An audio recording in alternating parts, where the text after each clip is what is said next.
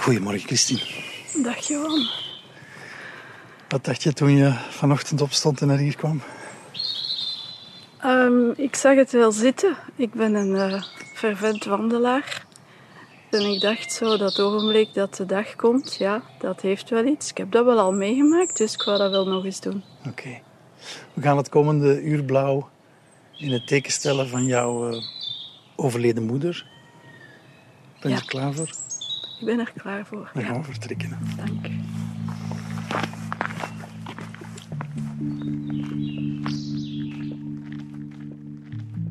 Tijdens de coronacrisis werden uitzonderlijk veel overlijdens opgetekend. Oversterfte heet dat. Mensen werden een cijfer op een dagelijkse persbriefing. De verhalen achter deze overlijdens vertellen we in deze podcast. Vroeg in de ochtend, nog voor zonsopgang, ging ik wandelen met mensen die woorden proberen te geven aan hun verlies. In de hoop dat met de zon ook echt een nieuwe dag kan aanbreken.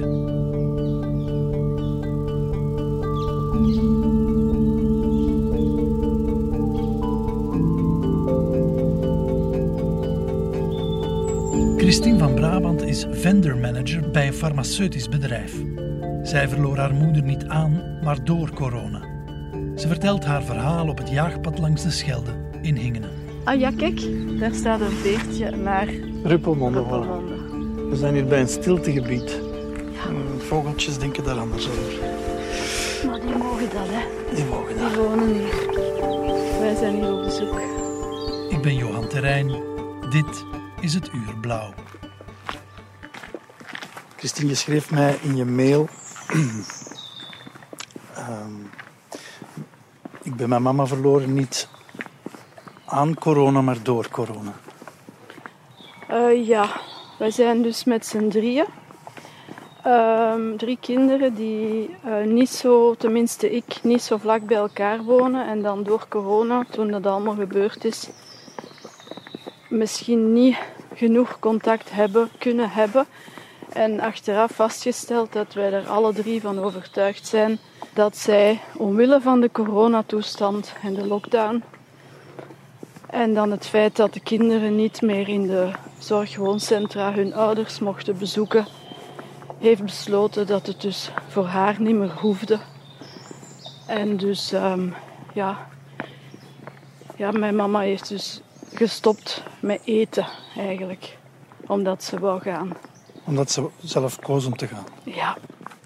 Mama heeft een beroerte gehad in oktober 18, 2018, waardoor ze half verlamd was. En dat heeft haar eigenlijk de levenslust totaal ontnomen toen al. Um, uh, ja, zij leefde voor, voor papa, de kinderen, de kleinkinderen. En heeft eigenlijk altijd gezorgd voor anderen. Als ze dan plots afging van anderen en nog erger van vreemden, voor de meest dagelijkse, maar ook persoonlijke dingen zoals naar de wc gaan en zo, dan is ze eigenlijk, ja, ja, dan zag ze het eigenlijk niet meer zitten. Ze heeft dan ook vele, vele pogingen gedaan om euthanasie te vragen. Mm-hmm. Voor ondraaglijk psychisch lijden. En ze had dat dan na een jaar ook wel gekregen. Ze had de drie artsen die ze nodig had. En het was zelfs zo dat ze op 19 februari, ja. dus voor het allemaal begonnen is met corona, nog zo'n belangrijke afspraak had met een van die artsen. Dat ze eigenlijk mocht zeggen of ze wilde gaan. En nog meer wanneer ze wilde gaan. Ze gingen eigenlijk als ze wilde een datum prikken. Ja. En 19 februari was ik daar die avond. Ze zegt, ja, ik ga het nog niet doen. En ze straalde gewoon. Dus ze was niet tegenstaande dat ze wou weggaan. Toch ergens ook opgelucht dat het nog niet ging gebeuren. Ze had terug een, uh, een soort moed verzameld om nog Goh. een stukje verder te gaan. Moed verzameld, misschien, maar nog meer, denk ik, was ze bang van twee dingen om de uiteindelijke beslissing te nemen, denk ik. Ze wilde papa en ons niet achterlaten. Ja. En ik had door de maanden ook ontdekt dat ze, in het begin sprak ze daar niet van, maar tegen het einde wel, dat ze zich ook afvroeg wat dat Jezus daarvan ging vinden.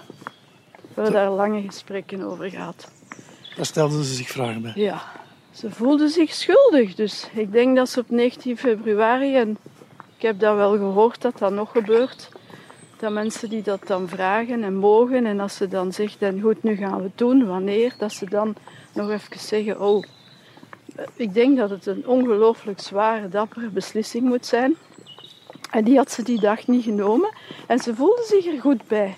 En ik ook. Ik weet nog dat ik dacht van, oh, joepie, ik mag ze nog wat houden. Ja. Ook al was het maar één keer per week haar eventjes gaan opbeuren of luisteren naar haar verdriet en haar eens vastpakken. Ik wist dat dat nog wat ging mogen. Maar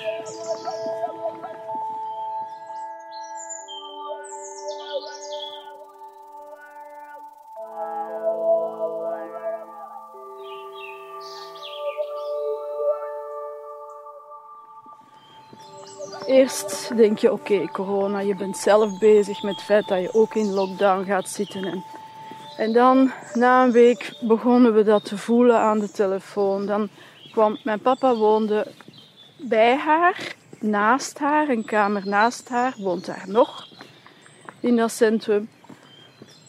Maar die is nog goed. Ja. Ik bedoel, die, die is meegegaan voor mama. En dan hoorden we zo Soms mocht ik haar niet hebben. Dan was het is niet goed, ze wil niet aan de telefoon komen. Dan kwam het uh, ding van, ja ik ga ze geven, maar ze gaan niet kunnen spreken. Kon ze effectief niks zeggen. Plots Nee. zei mijn mama niks meer. Dan heb ik zo'n beetje in paniek mijn zus gebeld, die veel dichter daarbij woont. Ze zegt tegen mij, ja, zegt ze tegen mij. Mama eet niet meer, mama wil niet meer eten. Er is al een dokter bijgehaald. Dan hebben ze gevraagd of mama moest gedwongen worden van te eten. We hebben met z'n drieën besloten, nee, mama moet niet gedwongen worden tot niks meer. Mama mag doen wat ze wil. Maar dan kreeg ik papa aan de lijn in die week. Dus je moet denken, het ergste is dat dat allemaal per telefoon moet gaan. Zelfs niet per WhatsApp video, want die mensen kunnen dat niet. Nee. Dus je hebt alleen de stem. Als je geluk hebt. Zo van die droevige verhalen krijg je dan van ja, ik geef haar eten aan uw ma. Ik steek het in de ene kant in haar mondje in en het loopt er aan de andere kant terug uit. Enfin, Ja. Ze wou echt niet meer. gewoon niet meer. En dan kwam de laatste week van haar leven, dat wist ik natuurlijk niet, maar. En ik, ik wilde ook zo nog eens ja, afscheid nemen, zeker. Mhm. Dan heb ik die week beginnen bellen om haar toch eens op een goed moment te hebben. En dat is mij de woensdagavond gelukt. Ik kreeg haar aan de lijn. En ik heb haar kunnen zeggen, de drie zaken die ik had willen zeggen met haar hand in de mijne, maar dat kon niet. Dus heb ik haar gezegd dat ik haar graag zag, zie, zie. Dat ik haar altijd dankbaar ben geweest voor al wat ze voor ons gedaan heeft. En dat ik naast haar stond in haar beslissing. Ja. Ik moest daar niet meer van zeggen, want we hadden dat wel vijftien keer besproken. Dat ze wou gaan. En ze heeft ook op het einde dag Tineke gezegd. Dus dat was, dat, was, dat was het dan, denk ik. Maar dat wist ik toen nog niet.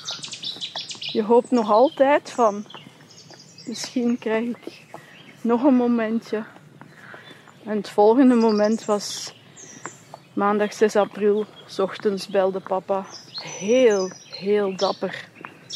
Heel kort, gelijk hij altijd is. Dirke, eh, het is om u te zeggen dat, dat mama overleden is.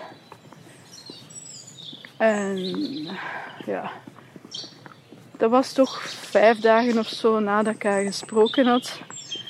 Wel, het kwam nog als een schok. Ja. Ja. En het kwam nog met een schreeuwen.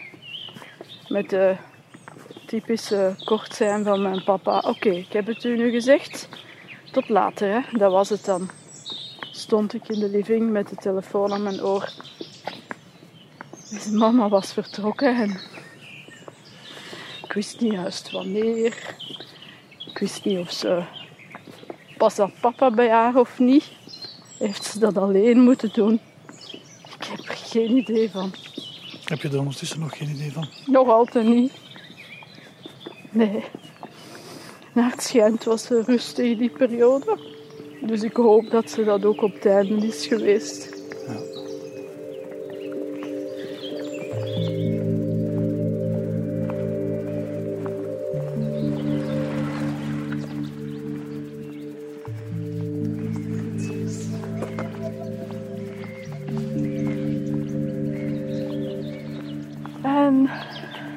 Dan kwam de week van de voorbereiding van een viering tot afscheid.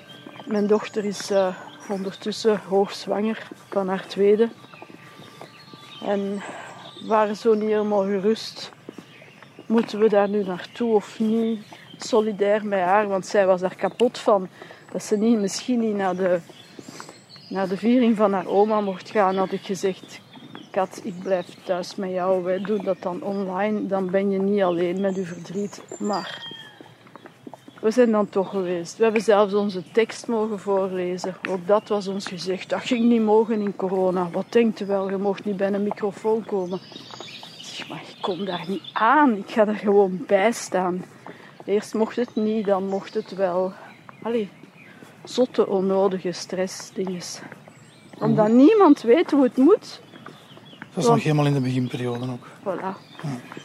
Hoe kijk je daar nu op terug dat je zelfs ja, overwogen hebt om, om niet te gaan?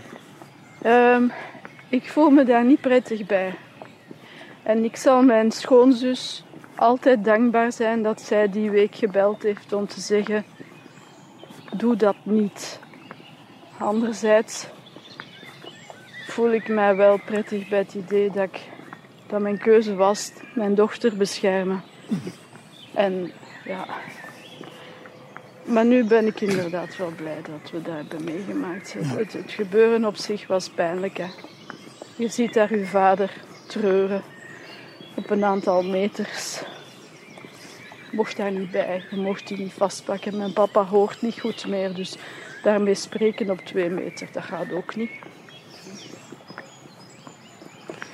Na het verstrooien van de assen stonden we daar met z'n allen in een grote cirkel. Zei mijn zus, wil er nog iemand iets aan papa zeggen?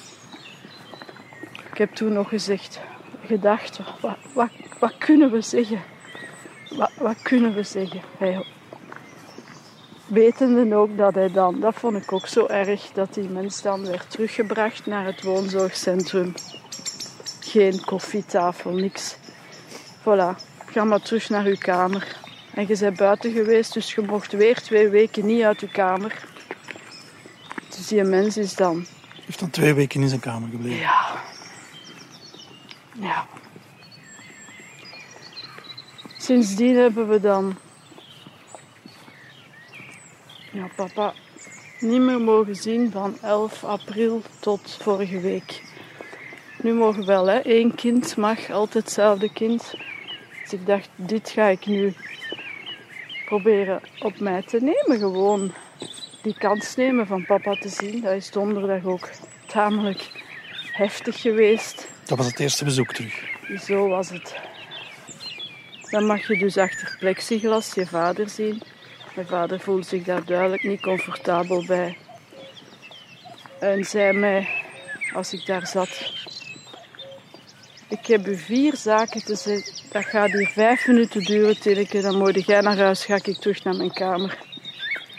Ik heb hem gezegd, oké papa, ik heb geluisterd. En hij wou dan ook papieren meegeven, dat mag niet. Dus dat is een heel gedoe geweest. In elk geval, dat was daar op tien minuten gedaan. En dan belt hij mij een paar uur later op, mijn papa. Wat niet zo vaak gebeurt. Hij zegt, Christine, ik moet me excuseren. 86 jaar, hè? Niet goed, hè? Alleen. Ik zeg, excuseren papa, voor wat? Ik heb mij niet goed gedragen daar straks. Dat was niet goed van mij. Ja, dat doet dan weer iets met een mens, hè, want hij moet zich niet excuseren. En als je een heel maand alleen zit te treuren om de, de, de liefde van je leven die na 59 jaar weg is, dan vind ik dat uw gedrag eigenlijk wel te verstaan is. Ja. Hoe kan je nu iemand echte steun bieden via telefoon en achter plexiglas? ja, je doet je best, maar het, het is niet genoeg, hè. Het is niet genoeg. Nee. Het is niet genoeg.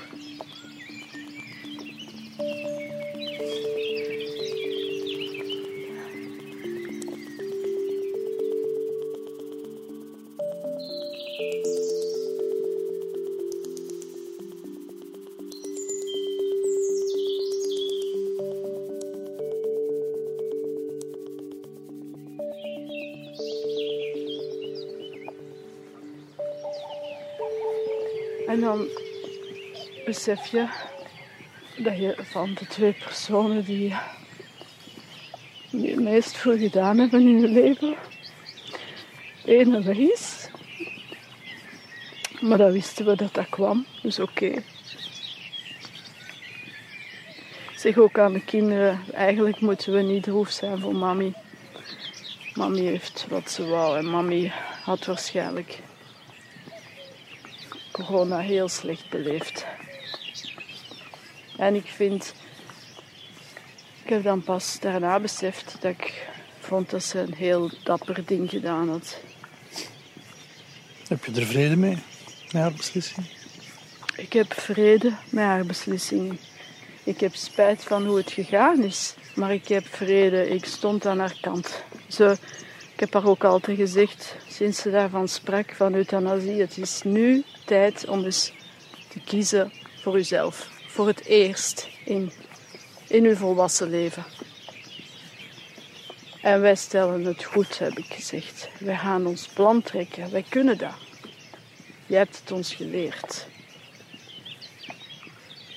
Ja, ik heb er vrede mee. Ze mocht. Het was te hard voor haar.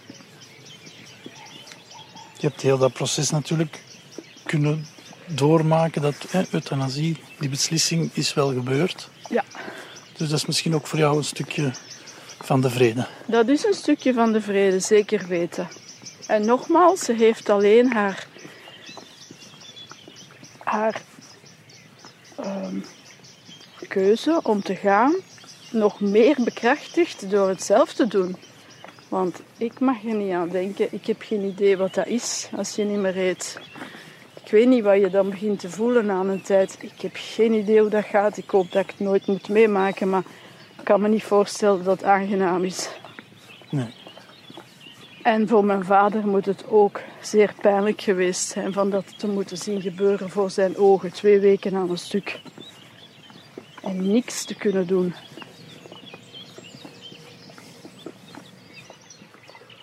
Hoe is dat nu voor jouw papa, denk je? Hoe, hoe, hoe- hoe gaat hij in die rouw? Wel, moeilijk. Eh, ik ga zeggen wat ik denk, maar ik ben niet zeker, want ik hoor hem en zie hem niet genoeg. Ik denk dat die papa die leefde alleen voor mama. Mijn papa had zeer weinig vrienden. Zag ons heel graag, maar toonde het niet met affectie en zo. Heeft altijd materieel zeer goed voor ons gezorgd. Maar minder zo de knuffels en de grapjes en de en dus nu is hij die ene persoon. Want hij kon leven met haar alleen. Die, die moest niemand anders hebben. Nu is die weg. Ja. Dus ik denk dat die mens, die, die, de grond is onder zijn voeten weg. Maar die is dapper. Omdat dat is ook iets dat heel fel in onze genen zit. Wij moeten altijd dapper zijn. Je moet altijd dapper zijn in het leven. Je moet altijd je best doen en het zo goed mogelijk doen. Dus hij is zijn best aan het doen. Want ja, hij is er nog. Mama is er niet meer, maar hij zegt effectief regelmatig aan de telefoon. Of dat heeft hij donderdag ook gezegd, ja. Ja, het gaat hè. Ik krijg hier eten op tijd en dat is goed eten. En... Maar ja, ik heb eh, het vrouwke van mijn leven, noemt hij maar, als hij zo dit zegt. Het vrouwke van mijn leven is weg, hè. Maar meer zegt hij daar niet van. Dus hoe hij daarmee omgaat, ik denk dat die mens indroevig is.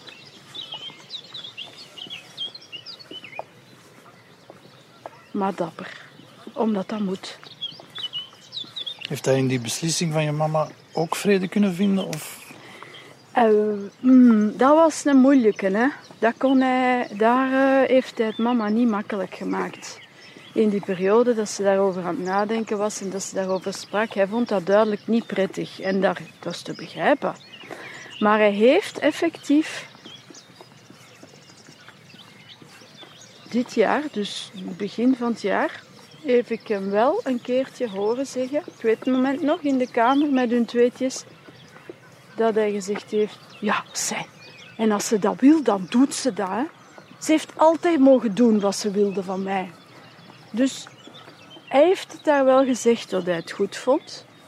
Maar wel op een manier dat je ook voelde van dat hij het liever niet had gehad. Ja. Maar hij heeft het wel gezegd. Dus of hij daar nu vrede mee heeft, misschien niet helemaal, maar hij zal het zeker ook wel inzien dat het voor mama het beste was. Ja. Maar vrede, dat weet ik nog niet. En de twee laatste weken moeten voor hem ook echt verschrikkelijk geweest. Verschrikkelijk. Ja. ja. Absoluut. Als, ja. Ik, ik weet niet hoe dat moet voelen. We kunnen ons dat niet voorstellen. Hè? Nee. Nee, die dag dat hem zei, en ik wil haar doen eten en ze wil niet eten, ik weet niet wat ik moet doen. En ik zeg nogmaals, in normale omstandigheden springde dan nu een auto waar dat je ook zijt. Al is het maar om even te gaan moreel steunen van wat er aan de hand is. En dan moet je gewoon aan de telefoon zeggen, ja, ja, wat je kunt zeggen. Zit er wel boosheid in jou over alles wat er gebeurt? Eigenlijk niet veel boosheid. Droefheid. Als ik, ik heb momenten, ik ween eigenlijk niet zo vaak. Maar wat ik wel heb, is mijn momenten zo, hier zo in de ja, Je maagstreek, maagstreek, ja. Echt letterlijk fysiek pijn. Hartzeer, zoals Ja. ze zeggen. Ja. Ja. Die, voel je nu, die kan je nu nog voelen. Ik kan die nu voelen. Ja. Het is de eerste keer dat ik dat van zo dichtbij moet meemaken. Iemand die je graag ziet en die er altijd is geweest en waar je altijd naartoe kon als je wilde, dat kan nu niet meer. Ja, we zijn haar ook gaan groeten de dag voor de viering dan.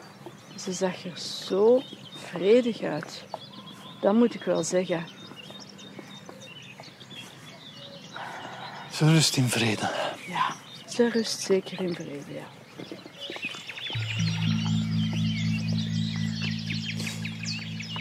Kijk eens hoe mooi de hemel is. Prachtig. Ze hebben er een tikkeltje roze bij gedaan vandaag. Ja. Prachtig. Een nieuwe zonnige dag die gaat beginnen. Dat is eigenlijk... Dat doet goed. Ja. Het is nu bijna twee maanden geleden, hè? Het gaat naar de twee maanden, ja. Voel je bij, jezelf dat je veranderd bent in die twee maanden?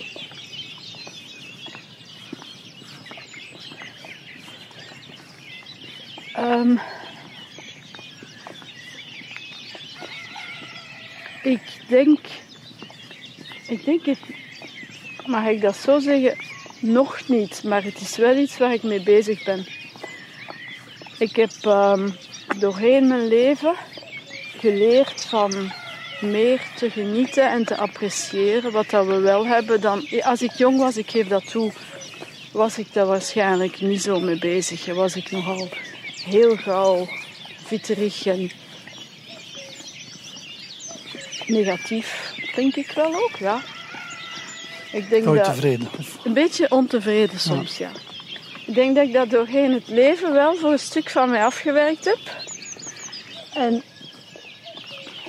sinds dat ze dan, ja, als ze dan vertrokken is, heb ik wel ook gedacht van, dan kom je zo eens heel dichtbij tot, het besef van, het is, dit is niet voor altijd. Hè. Ooit moet ik ook gaan. Dus ik wil echt wel nog meer. Genieten van wat ik heb. Niet droef zijn om wat ik niet heb. Ik heb dat dan wel in coronatijd niet zo goed kunnen waarmaken. Want ik heb eigenlijk de eerste maand toch wel zwaar, zwaar, zwaar uh, paniekerig geweest rond. En ook het feit dat ik schrik had om naar die begrafenis te gaan, daar gaat in die richting. Ik was niet degene die zegde van, oh, nee, in tegendeel. Dus, maar in het algemeen wil ik daaraan blijven verder werken, geloof ik heel sterk in. Dat ik dan ook altijd aan mama zegde, en nu dat ze niet meer is, moet ik dat, kan, ga ik dat niet meer zeggen, want dat komt niet meer te sprake, maar ik moet het dan wel doen. Ja, heb echt zo wel zin om, om er het beste, maar echt het beste van te maken. En, de mensen rond mij blij te maken. En als ik met de kinderen ben of met mensen die ik graag heb, dan ben ik met hun. Dan ben ik niet bezig met mijn werk van morgen of met de fout die ik gisteren gemaakt heb. En dat wil ik nog, dat wil ik, dat wil ik alleen nog meer doen. We nog glimp van het zonlicht in de hemel, in de wolken. Het is inderdaad een mooie lucht. En vooral wat mij opvalt is, want ik wandel nogal regelmatig langs deze kant, het is bijzonder hè. Niemand op het jaagpad, dat maak je nooit mee. Ja, het is een bijzonder uur hè. Ja. Het gaat nog wel even duren hoor, waar de zon opkomt. Het duurt al wat langer dan je denkt. Ik ben oh. ondertussen ook een expert geworden. Ja, ik heb er al een aantal van die ochtendwandelingen gemaakt. Zullen we dat bankje hier uh, ja. gebruiken om de zon te zien opgaan? Is goed.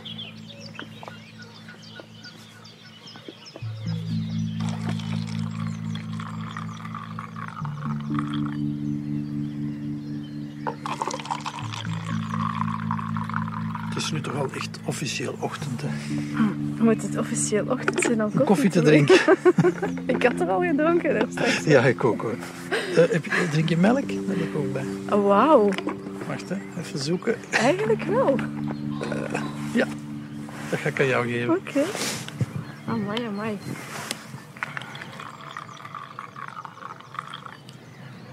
Je hebt een, een, een, hele moeilijke periode achter de rug, hè, Christine? Hoe, hoe lukt het jou dan om daar toch zo prioriteit aan te geven aan dat levensgenieten? Um, het besef dat dit niet eeuwig duurt, dat ik geen honderd kansen meer krijg. Mm Ik ben 57 geworden. Um, en het besef dat ik al die leuke dingen nog kan doen, dat dat, gaat, dat dat niet eeuwig gaat duren. Dus dat moet nu. dat moet nu. Ik heb bijvoorbeeld vandaag verlof genomen, omdat ik dacht, ik ga niet na zoiets aan een pc zitten binnen. En ik weet nog niet wat ik ga doen, maar ik ga ervan genieten, dat weet ik wel. Doordat je een beetje geconfronteerd wordt met de eindigheid van het leven, besef je eens te meer hoe belangrijk het leven is eigenlijk. Ja, zeker weten. De zon is ook weer vandaag van plan om eh, op te komen. Fijn. Met welk gevoel of met welke gedachte ga je nu aan deze nieuwe dag beginnen, Christine? Elke dag is eigenlijk een nieuwe start om het goed te doen. Hè? Dat is toch prachtig? Dat is toch zo? En dat ga ik gewoon proberen te blijven doen. Ja, kijk. Is er. Ja, is er. Ja, prachtig. Dat moet echt wel lang geleden zijn dat ik dat gezien heb.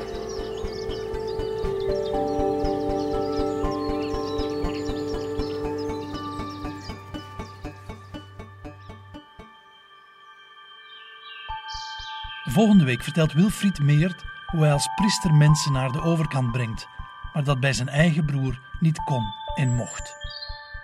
Deze podcast wordt gemaakt in samenwerking met De Morgen en Humo. Wil je een reactie kwijt, dan kan je terecht op de Facebookpagina van het Uur Blauw.